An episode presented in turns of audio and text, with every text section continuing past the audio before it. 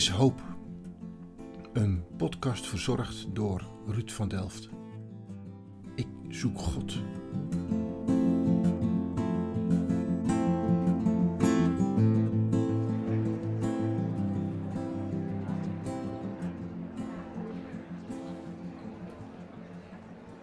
Mag ik afrekenen? Ha, hoe vaak ik daarom gevraagd heb? Geen idee. Hoeveel keren? Ah, speelt dat een rol? Nee hoor, de rekening komt vanzelf. En op zijn tijd. Maar, mag ik afrekenen? Blijven ze nou? Waar is die man in de serveerdersuniform die zo hoffelijk luistert naar mijn vraag? Ze kennen me toch? Ik kom hier elke week. Voor mijn koffie en stiekem een hartige hap. Elke week hetzelfde bedrag. En trouwens, inclusief mijn vaste fooi die ik graag geef. Ze weten het. En ze houden in de verdeling al rekening met de winst. En mijn fooi. Hmm, ik ben niet zuinig om te geven hoor. Ik geef gerust. Ze verdienen het. Ik zeg dan eigenlijk boter bij de vis. Ja, dat is wel een hele ouderwetse uitspraak. Maar het is wel zo. Boter bij de vis. Hallo. Hallo, mag ik afrekenen? Waar blijven ze nou? Kom op met die rekening. Ik wil niet als een dief bestempeld worden. Of moet ik dreigen door weg te lopen? Hallo? Nee, ik ga niet weglopen. Dat is tegen mijn gedrag, tegen mijn principes en tegen de regels. De uitspanning zit in het centrum van de stad. Ik kijk uit op het plein, de beestenmarkt. Dat is een plaats waar in het verre verleden runderen, schapen en varkens werden verhandeld. Letterlijk de beestenmarkt dus. In tegenstelling tot vandaag. Vanwege mijn vaste plek bij het raam zie ik ook dat jonge vrouwen worden verhandeld voor een moment van erotisch plezier. En geloof me, er zijn erbij die een tatoeage in hun nek hebben om te laten zien dat ze een bezit zijn van een loverboy. Eenmaal ben ik in de verleiding gekomen om een vrouw te confronteren met het feit dat ze uitgebuit wordt. Eenmaal. Maar ik moest gelijk rennen, want die loverboys, die kunnen slaan. Nou, hallo, joe, mag ik de rekening? Nee hoor, wees gerust. Ik zal niet meedoen met die verfoeilijke verhandelingen. Maar de vergelijking met de naam van het plein is treffend. Ik heb er nog de lokale politiek voor benaderd. Met foto's van de vrouwen en de financiële verhandelingen. Ik werd weggehoond. Gelukkig heeft het fenomeen zich in het openbaar gewerkt en de politie heeft de zaak in handen genomen. Of het nog gebeurt? Geen idee. Het is buiten mijn zicht. Maar ik twijfel er niet aan. Het zal nog steeds plaatsvinden. De economische aantrekkelijkheid van deze vorm van slavernij is te groot. Waar blijven ze nou met de rekening? Ik ga zelf maar naar de bar. Dan reken ik zelf maar af en recht voor me uitkijkend met enige irritatie op mijn gezicht loop ik op de afrekenmachine en daarachter staat een enorme kerel. Hij staat er al jaren, maar tegelijk, hij ziet er vreemd uit. Alsof ik hem voor het eerst ontmoet. En alsof hij mij al mijn hele leven kent. Ik merk dat mijn omgeving versterft. En het lijkt alsof ik alleen met hem ben. En ik hoor mijzelf tegen hem zeggen of ik de rekening mag. Maar het komt er zo stotterend uit. Ik twijfel nog wel of ik het wel wil. De rekening. Hij pakt een rol papier en begint die te openen. Mijn hele leven wordt voor mijn ogen uitgerold. Op papier. En het verschijnt langs mijn gezicht. Eerste post, geboren 6 december 1959. Tweede post, doen alsof ik slachtoffer ben van pesten en ondertussen allerlei pogingen om de ander in een kwaad daglicht te zetten, zodat de aandacht niet meer naar mij toe gaat. Vierde post, starten in de bouw als een onzeker vogeltje. Hé, hey, waar is de derde post? Die wordt niet benoemd. Hm, te gevoelig. Die komt later. Wie bent u? Schrik ik. Ik ben de engel van de Heer. En ik heb de afrekening. Ik schrik achteruit. Is dit het moment van de afrekening? Maar wat heb ik dan op mijn rekening staan? Is het genoeg om te betalen? Wat ben ik u verschuldigd? probeer de aandacht af te leiden om hierover na te denken. Heeft u wel de juiste persoon voor u? Weet u wel wie ik ben? Een geweldige glimlach verschijnt op het gezicht van die man. En ineens staat er een 6000 jaar oud persoon voor me. Och, mijn lieve, ik ken je al voordat er sprake was van jou. Een geweldig lachsalvo volgt. Lees je niet de verhandelingen van de eerdere personen die te maken hebben met de verschijning van de eeuwige? Pak het boek der boeken eens. Heb je die bij je? De vraag klonk zo makkelijk alsof het de gewoonste zaak is om daarmee rond te lopen. Onder de bar haalt hij een Bijbel tevoorschijn. Hij sloeg die open en begon halverwege de verhandelingen te lezen over het meisje Rodé. Ze zou Cleopas hebben gezien en zijn medebroeders beweerden dat hij gevangen zat, dus het was onmogelijk dat hij het was die aan de poort stond. En de conclusie was van hun dus: het zal zijn engel wel zijn. Zijn engel, jongeman, zijn engel. Degene die op hem lijkt. Zijn evenknie.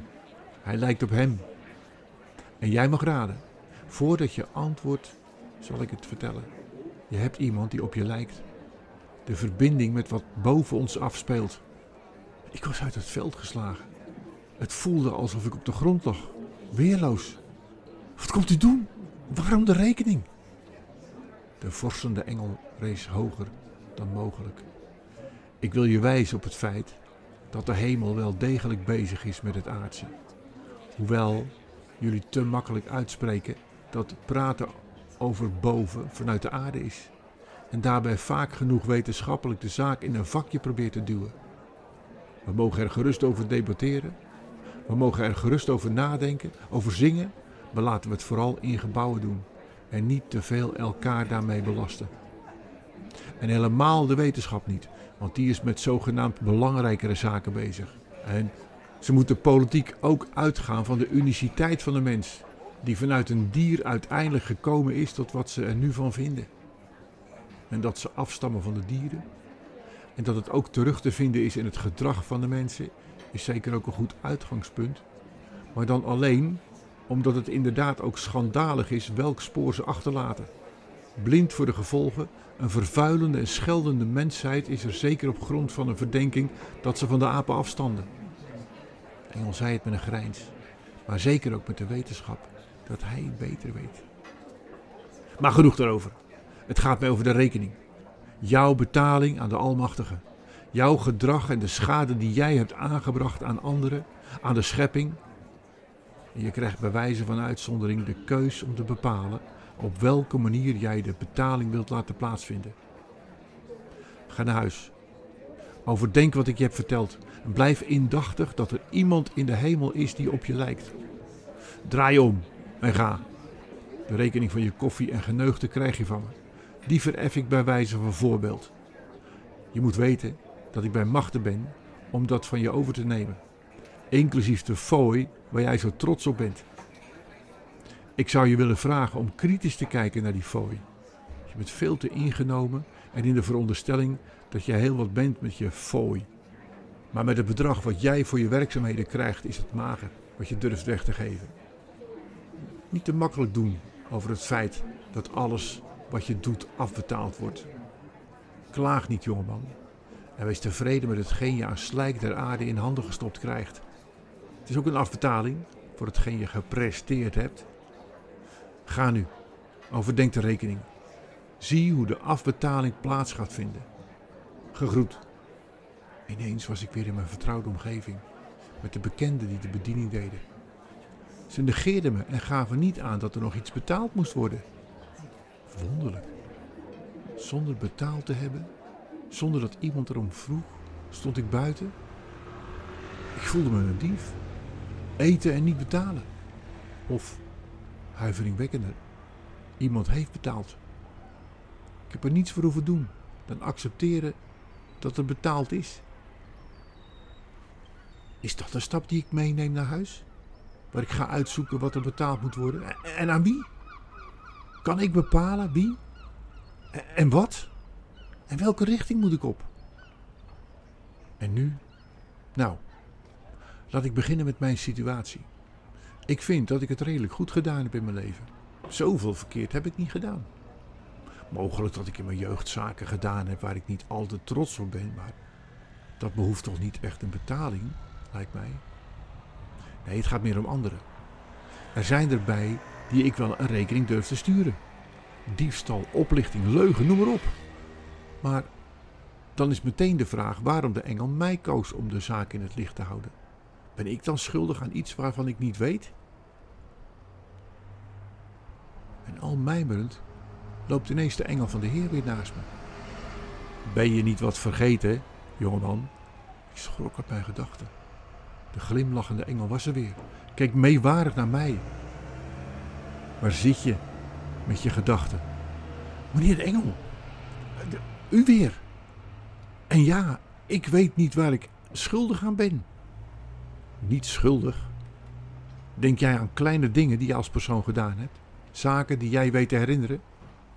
Besef je dat we allemaal schuldig zijn aan het minder achterlaten van de wereld aan de volgende generatie? Het gaat verder dan jou alleen en, en die kleine zaken van jou. De wereld staat onder druk en jouw zo klein lijkende fouten die niet betaald lijken te worden, zorgen voor zand in je ogen. Het gaat hier om herstel. Het gaat hier om een wereld die vastloopt van vervuiling, oorlog, ziekte en onrecht. Maar, meneer de Engel, is er dan geen gradatie in het onrecht?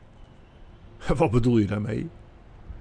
Nou, uh, de ene zonde is toch minder erg als de andere? Dat mag je zelf uitzoeken. En weg was de engel. Inmiddels loop ik de tuin in, doe ik zachtjes de voordeur open en ik sneak naar boven, naar mijn kantoor. Ik wil even geen mensen spreken. Maar ja, laat ik maar naar beneden gaan. En daar is mijn vrouw. Wat ben je laat? reageert ze. En waar is je fiets? Ineens besef ik dat ik lopend teruggegaan ben. En de fiets staat nog op de plek waar ik hem neerzette. Wat ben je toch vergeetachtig? En waar droom je nu weer van? was de reactie. Het was te veel. En ik reageerde boos terug. Het was een ruzie. Om niets, zo vond ik. Maar daar werd heel anders over gedacht.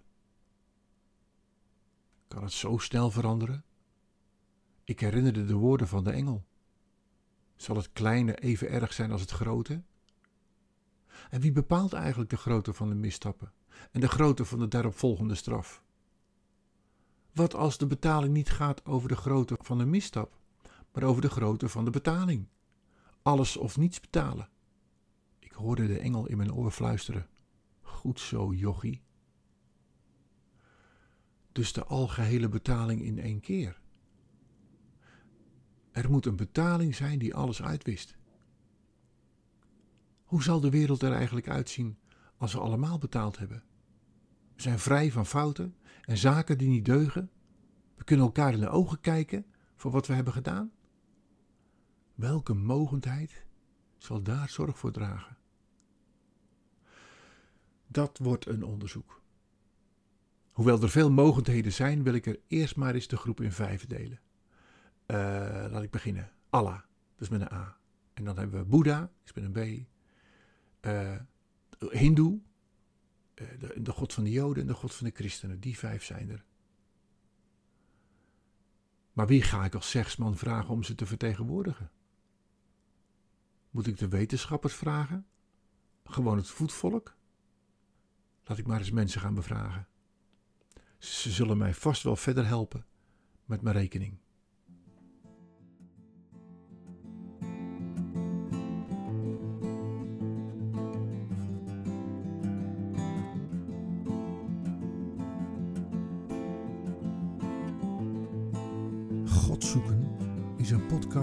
Die ik maak om met mensen in gesprek te komen over God. Het was Blaise Pascal die in zijn boek Pensées mij de keus voorlegde. Het kwam hierop neer: geloven in een God die niet bestaat, of niet geloven in een God die bestaat. En door met mensen te spreken wil ik mijn zoektocht kleur geven en hoop dat jij daar ook door geïnspireerd wordt. Vond je dit een mooie podcast? Laat het mij weten. Of geef een ranking Misschien heb je een tip of weet je iemand die ik zou kunnen interviewen. Laat vooral een reactie achter. Of je kunt mij mailen. Ruud van